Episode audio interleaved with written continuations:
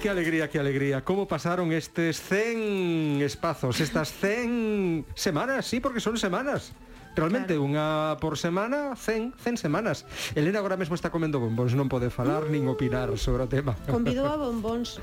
Claro, bombóns, porque bombóns galegos, atención. Cumprimos 100 anos, digo 100, 100 programas, Xan Albor. que tal, como estás? Bueno, isto para ti, veña, vai. Parabéns para ti nesta data querida. A que canta é Elena. Veces Sí, sí ¿no? Ya me suena. Cando subimos de comer, dixo, déxame aquí que llevo cantar algo. eh, felicidades, eh, Xiana. Non fagas caso, eh, que non era, eh. pois sí que se me llama a túa voz, eh. Parece a verdad que Logo sí. Logo de comer bombóns. bueno, pois pues, non sei que tiñas pensado ti, Xena, pero a min... tocamos?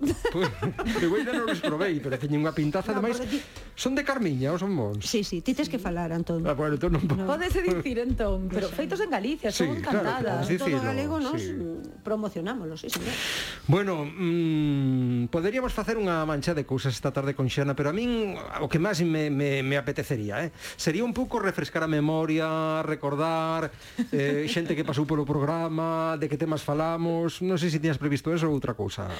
Tiña previsto exactamente iso, e despois pensei, imos aproveitar e imos lembrar todos estes programas que tanto agradezo que me deades este espazo, esta oportunidade de falar distas cousas, imos aproveitar e misturar cun paseo pola historia da vida na Terra, que é ah.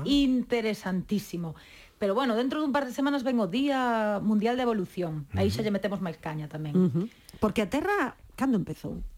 Eso. Cando, es... cando se puxo? Cando que foi primeiro? Se puxo a, ver, a primeira pedra. Que foi primeiro? Pois un pouquiño é primeiro Big Bang, que a todos nos soa o que? Sí, sí. Big Bang. Ese Big Bang. E logo xa aparece, comeza, nace a Terra. Hai uns 4.500 millóns de anos. Sí, sí, que me acordo. E esa Terra, acordaste, non? Perfectamente. Defínese como unha concentración concentración de pó cósmico, frío. Eu imagínome o planeta do Principito, sabedes, cando estás... Sí. como, eu imagínome como un conglomerado de pedras e rochas flotando Como en Frozen, unha cousa así moi fría. E entón, a partir de aí, E pues Pois a partir, a partir de aí, aí tocaba lle dicir unha cousa. A partir de aí empezaron a, empezaron a, a facerse ahí... as, as urbanizacións, non? entón. No, de Antón. rochas, mira, de rochas, temos falado aquí no programa Elena Soto de rochas, prrr, rochas como granito, eh, da que pues comezamos eh, a, agora mesmo a recordar aquilo que nos contaba quen foi Francisco Canoso, non? O doutor en xeoloxía e director científico do proxecto Xeoparque do Cabo Ortegal, que daba uns consellos, daba uns consellos a ter en conta naquelas casas feitas de pedra de granito. Eh, boa parte de Galicia eh, está formada de, de granito, non? Ese, esa rocha, a súa vez, está formada de minerais que no, nun proceso natural de transformación co paso do tempo se libera un gas, un gas radiactivo que é o radón que cunha ventilación eh, diaria e curta, tampouco ten que estar moito tempo a casa exposta a ventilación, pois é suficiente para, para eliminar ese, ese gas. Pois aí estaba, que é importante o de ventilar, que agora co, bueno, co tema da pandemia xa non lo meteron na cabeza, pero o radón en Galicia, o granito, pois pode chegar a causar problemas pulmonares. Entón hai que estar sempre batendo un pouquiño cada día, especialmente aquí que pois a maioría de nós en as aldeas vivimos en casas de pedra de granito, hai que ventilar, miña querida xente. Bueno, Elena, ti preguntabas, bueno, xa temos ese planeta de Principito, non? Sí. E xorde a vida unha faísca que aínda non se poñen de acordo como, pero o caso é que aparece a vida. Sí, na auga, teño entendido. Sí. ¿Quién somos de dónde venimos? ¿A dónde vamos? ¿Estamos solos en la galaxia o acompañados? Non o sabemos, non o sabemos. É un interrogante aínda a día de hoxe non nos poñemos de acordo en como xurdiu esa vida, o caso que xurdiu.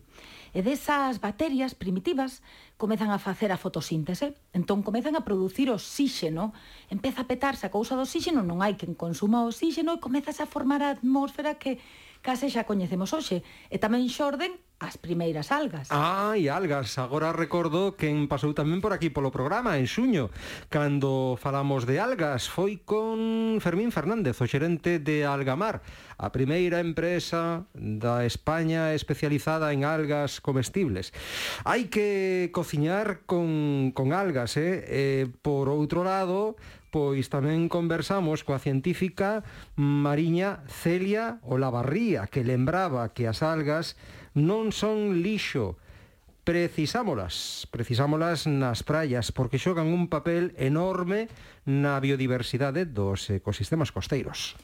Pois sí, e ademais desas algas, logo xa ben logo ben logo, bastante tarde, máis ben, aparecen as esponxas mariñas que unha cousiña é como os animais máis antigos que existen, uns dos animais máis antigos que existen. Uh -huh. E tiveramos tamén aquí no programa a dous biólogos mariños, Patricia e Bruno, que forman parte do grupo de estudo do medio mariño, unha cousa moi bonita que se fai aquí en Galicia. E fixeron un libro precioso, que é a guía das esponxas dos litorais de Galicia. Porque aquí en ti cantas esponxas mariñas pensas que temos aquí en Galicia, porque un pensa non nos mares tropicais, verdade? Corais, pois, non sei. eh? Eh, Máis ou menos, di un número. 50. Antón? Eu diría mil. bueno, pois, nin pa ti, nin pa ti. Unhas 220 especies temos aquí en Galicia, non está nada mal. Pero chegueime máis eu, eh? O sea, sí, sí, dereita un moito máis segundo cerca. bombón. Os concursos dalle, dalle moi ben a Elena, eh? sempre acerta. Bueno, logo das esponxas seguramente apareceron, como se chaman, os trilobites. Ya no hay trilobites en el mar. Así que son en os... Siberia non son dos queda ni un mamut. primeiros. Son dos primeiros. Dos primeiros, os trilobites. Bueno, a- logo aparecen así neses mares que temos primitivos, nese planeta primitivo que nos imaginamos e nos pintan cando nos montan os Pero os documentais. tirobites eran que como... Eran como uns moluscos, lembras? Sí, Como sí, sí, así, sí, no, unha espiral, Teño a algo imaxe, así. pero digo, non sei, eran como... Duraron moi pouquiño. Duraron moi pouquiño. Como se así chaman como estos, chegaron... como saltóns ou algo, non? Non, máis ben... se Non eran tes- insectos. Non, non, non, non, non, eran así algo así como un molusco. Se vale, Vale, te imaginas vale. a típica que aparecen sempre os fósiles. Sí, sí. O, mm, imagínase moito, ían nadando así rrr, xunto con eses tiburóns primitivos. Aí estaban os Eran como os trilobites, pero teletubbies, non duraron. máis ou Eran como menos. os teletabis de Sí. evolución. pois, bueno, os trilobites. Pero un pouquiño antes dos trilobites xa apareceron os primeiros peixes. Ai. Ou seja, que os peixes tamén son bastante antigos. E despois deses trilobites xa as primeiras plantas terrestres e insectos xa comezamos a ter terra. Pero nada dura para sempre, xa o sabemos, que a vida é moi efímera e xa chega unha grande extinción que se leva por diante aos trilobites e a moitos insectos. De feito, é a única vez na historia do noso planeta que os insectos se extinguen así en masa. Que Pero sabedes- non estamos falando aínda dos dinosaurios nin nada. aínda non, aínda non chegaron. Pero temos eses insectos terrestres, temos algúns peixes no mar e temos, por suposto, como son peixes, tiburóns. Chun, chun, chun, chun, chun, chun, chun, chun. Todo mundo fora do mar. papá, papá, unha quenlla. E que é un puntazo dos tiburóns, sí. eh? que xa falaramos aquí, Elena, deles, e puxeramos, bueno, contaramos a historia de que esta famosísima banda sonora composta por John Williams Mm, da que película che meteu Tiburón. medo no corpo e Sí, sí, xunto sí. con esas imaxes o que conseguiron foi estigmatizar ao tiburón Mm. entón Steven E non é Spielberg- tan malo, non? non é tan malo, al final malo, malo, mira, malos non somos moitos niños, pero o caso é que este esta peli viña dunha novela escrita por Peter Benchley. E o Peter Benchley arrepentiuse de ter escrito esta novela porque logo da película de Steven Spielberg cometeronse un montón de matanzas de tiburóns alrededor do mundo. É que houbera unha tiñamos- psicose, eh? Sí. Eu tamén, a mí. Cos tiburóns. De E que feito, daba eu medo. durante tempo non me metín Ves? no mar de medo a que houvese un, A que aparecese. unha quenlla por aquí. Non me estrana, non me trae con esa musiquita chin chin. Sí, sí, sí, pois sí. este escritor fíxose activista en defensa dos tiburóns. Disto falaramos aquí. Hmm. Mm. E el chegara a decir Non podemos permitir que unha soa xeración humana elimine 400 millóns de anos de evolución que teñen os tiburóns nas costas. Desde logo. Xa me lembro, xa me lembro disto Cando falamos aquí na tarde no verán do ano 2020 con Toño Maño Que desde Ribeira leva o blog Tiburones en Galicia Moi recomendable para os amantes do mar E logo, que acontece? Non sei, cando aparece o que dice Elena, os dinosaurios os dinosaurios. A quen non lle cautivaron? A vos vos gustaban de A pequeno? min sí. Home, sí. A mí me Eu sempre gustaron preguntaba máis polo de velociraptor. Sí. maior. Máis de maior, porque mm, recentemente, bueno, recentemente, xa hai uns anos, empezou así como unha moda de dinosaurios para todo, en bonecos, en debuxos, en Vou probar un películas. bombón, eh, Elena. Bueno, A ver que tal están. A ver. Gracias, eh, Xana. Nada. colle dos pequeniños. A mí que son- me gusta Mira, os colleu un de cor verde. De cor de dinosaurio. Verde esperanza. Os dinosaurios, oye, eso é un- outro enigma, non? Porque mira que eran grandes, eu non sei como se daban sostido nesas patas. Impresionante. Non, e no mar, aqueles dinosaurios mariños tamén con pinta de tiburóns, que, que unha cousa así polo aire impresionante. A verdade é que era impresionante. Pois estamos xa temos este planeta no que xa temos grandes árbores, e temos xa anfibios, e temos insectos, e temos peixes, e temos algas, e temos o que preguntabas ti, Elena, hai uns 320 millóns de anos. Estas cifras bailan, eh? Segundo se descubren Ah, no, cousas. millón de anos Unha arriba. semana antes ou Desde despois, abaixo. que máis dá? É como cando un xa cumple moitos anos que xa máis ou menos 320 inventa. millóns, pois por aí Mm. máis ou menos. Pois aí xa orden os dinosaurios e tamén as primeiras aves. Ou seja, que mirade que aínda temos reminiscencias daquela época. Pero estes dinosaurios son os que dominan, como dis ti Elena, durante anos e anos o planeta.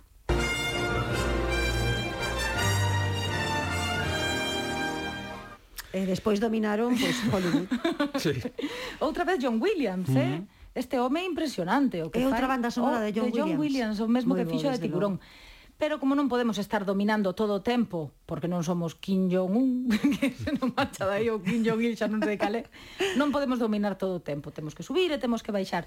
E os dinosaurios extínguense. Isto hai un... Que 60 pena me deu, eh? A mí tamén. Sí. Eu votos tanto en falta os dinosaurios. A ver cando volven. Mira, se queredes ver dinosaurios, tedes que mirar para as galiñas. Son Ai, iguais, sí. iguais, parecen velociraptors en pequeno Pois cando sí, levantan o ahora pescozo, que o de dis, verdade. Sí, sí, sí. parece que sí, Está é certo. demostradísimo que as aves veñen dos dinosaurios. Oes de aves sí que temos falado aquí moreas de veces no programa. Temos falado de andoriñas. Anduriñas veñen e van, eu que sei, eu non vais. Non sei nada sobre as anduriñas, eu que sei, serán pasaros. O as anduriñas veñen sendo partida as, como é, as que din que dá boa suerte, como se chaman? Golondrina. Bueno, pois unha golondrina, vai sendo o mismo. Quen eran estas amigas? Esta era a miña querida Rocío Remixeiro, que mira que tanto falar de que a xente da aldea, que a xente do campo, e miña querida Remixeiro que non sabía nin o que eran as andoriñas e se liaba coa canción de Ondiñas veñen e van. e logo estaba o seu home que se pensaba que as andoriñas eran as tamburiñas. E era, ui, esas son moi ricas. Aí había un pequeno lío mental. controlan de moitas outras cousas, pero, Pero aquí os non pillamos, os pillamos. Pois tamén falaramos aquí das andoriñas, da migración das andoriñas, e tamén temos falado de cegoñas con Santiago Vázquez, que é o presidente do Grupo Naturalista Hábitat, e tamén dunhas das miñas preferidas do mundo de rapaces nocturnas, de curuxas, de mouchos e de abelaionas. Esta cale a A Belayona. Esta é Belayona. a abelaiona, que lle chaman o cárabo, que é bonita, non tedes algún bono? O cárabo en, Escoítalo, en este escoitas español, sempre. claro, ves, pois non sabía eu a, a equivalencia en galego, sí. Mira, mira. Pois A dalla aí. velaiona. É, é moi bonita, máis é unha palabra ben é bonita. unha palabra velaiona. preciosa. E Cárabo falamos tampouco está mal. E falamos da migración das aves tamén, que recordo que non foi aí tanto, e tivemos por aquí convidados, por exemplo, o famoso divulgador e ornitólogo Antonio Sandoval. Hay aves que vienen de Siberia, pero muy al este de Siberia, aves que vienen del Mediterráneo, como por muchos Balear, muy amenazada que aquí en Galicia es un lugar capital para su conservación, aves que vienen de Antártida. Es un lugar de cruce de caminos increíble Galicia para, para as aves mariñas do Océano Atlántico. Eso mesmo, que ás veces parece que hai que ir a ver aves en Gibraltar e aquí en Estaca de Bares podemos ver todas estas aves dos océanos desde Siberia, contaba que viñan desde Sí, sí. Antártida, desde Chile, impresionante, a min déixame parva. Pois que as aves realmente que nos levan cautivando toda a vida, isto das migracións, do cuco que aparecía, marchaba, as andoriñas, bueno, Como coidan as cautivan. crías. Sí, é impresionante. A verdade é que é impresionante, bueno, os, os bailes que fan para buscar Ai, parella, os e as niños. ¿eh? bandas cando van, o sea, as, Sí. as bandadas, eso Sí. é precioso de ver, eh. Mm, Sí, que precioso. Como van sí. coordinados sempre. E verdade? forman Vs, e forman outras, eh, bueno, a mí me Sí, parece sí. unha maravilla. É eso. brutal como se orientan, como aproveitan as correntes de aire para voar aquí, alá como os pequeniños voan de noite para que non os papen. Ai, claro, me É un listos. puntazo. Pois tamén temos falado de outros insectos voadores que estaban aí na nosa evolución da vida na Terra con Elia, que seguro que che encantou, a da que viu Sí. sí. falar das bolboretas, que foi precioso. Sí. E tamén falamos de outras cousiñas que voan e que podemos pensar, moi ben, quen voa por aquí? A ver. Batman. Oh, Batman, No, voa. unha broma. bueno, pero é verdad, faláramos de aves, de insectos, voadores, pero cales son os únicos mamíferos que voan? Os morcegos. Os morcegos, Ajá. os únicos que conseguen manter o voo, porque sí que hai esquíos que se botan a mellor dunha árbore Sí, para outra. e case parece un bo, pero ¿eh? non é. Planean, É eses un non salto. contan. Os morcegos conseguen bater, conseguen baterse no voo. E tivemos aquí a Roberto Hormida, que ese programa me encantara, que é de morcegos de Galicia. Mhm. Calquera cousiña que queirades saber de morcegos ou tiñades algunha dúbida, Sábelo morcegos de todo. Galicia. Sí, sí, sí, e funciona moi ben. Pois el mesmo recolle a comunicación dos morcegos, que sabedes que non a podemos escoitar, só a vos isto, non? Sí, Falan- porque son ultrasons. Exacto. Bueno, creo que hai algúns que sí se poden escoitar, pero segundo te vas embellecendo, te segundo te vas facendo maior, os escoitas peor. Así que eso é como unha técnica, ti di que os coitas sempre. Vale, vale. Eu se me preguntan, digo, perfectamente. Pois este Roberto Hormida truxéranos a un morcego de Folgoso do Courel. En persoa.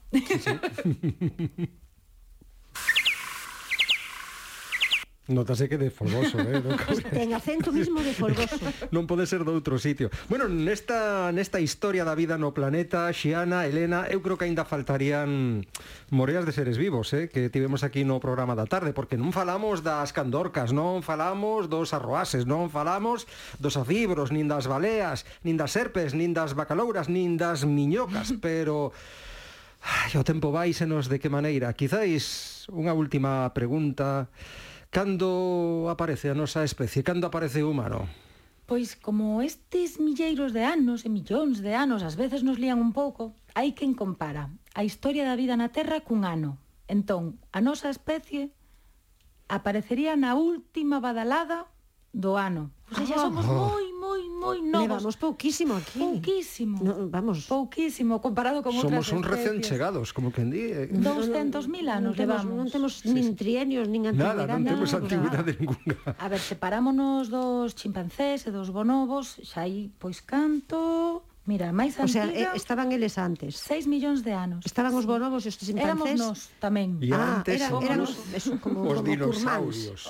Os simios aparecen hai uns 25 millóns de anos. Hai uns E 6, entonces xa sepárase a nosa o linhaxe salto humana. o Homo sapiens O Homo sapiens hai 200.000. 200.000. Nada. Non é, é a última badalada do a a última badalada do ano. Xa, Eso é moi xa, xa, gráfico. Eu por eso teño a teoría de que por iso aínda non sabemos ben como facer as cousas. Mm. Non é que sexamos malos, é que somos noviños. Claro. Temos que preguntar a quen Pois temos sabe Ah. que mellorar. e quen pasou por aquí antes. Temos que mellorar en algunhas cousas. Bueno, primeiros 100 programas, Xana. Oe, oe. Imos celebrarlo por todo o alto. carai. Que maravilla. Entón, eh, entón nós cantos levaremos? Mm. Milleiros, nos levamos milleiros. Non levades a conta, pois eu a- No, seguro que a a verdade é levan que en non. algún sitio Pois aquí. hai que, eh, claro, É fácil, sabendo o día que empezamos, empezas a contar, eh, bueno, Cando, pero sabes o día que empezaxe? sí, pero tenía que pensalo agora. sabe, sabe, pero non o ten neste Ahora momento. mismo non o teño na punta da lingua. A mellor é que non Exactamente. só desde festexar os parabéns, os aniversarios. Pero eu este sí. centenario teu deume, deume para pensar, eh, Xiana? Imos, Home, imos botar contas a partir de Cautivei vos mañá. tra, tra, traendo os bombóns. Sí, estamos como Fixen vos a queremos. pelota. Bueno. Sí, sí, sí, sí. E a planta moi Volve, ben, volve. eh? Que Elena cuida a planta, a planta todos os son días. encargada eh, de, de, da planta e a teño de verdad como unha Está- raíña. Está medrando como unha Vou- Ahora tola. mesmo vou a regar porque antes dixen ahora non que lle está dando o sol despois. Despois. Moitas grazas, Xana Albor. Un Que bico placer tan grande, corazón. enorme. Ata semana que ven. Grazas a vos.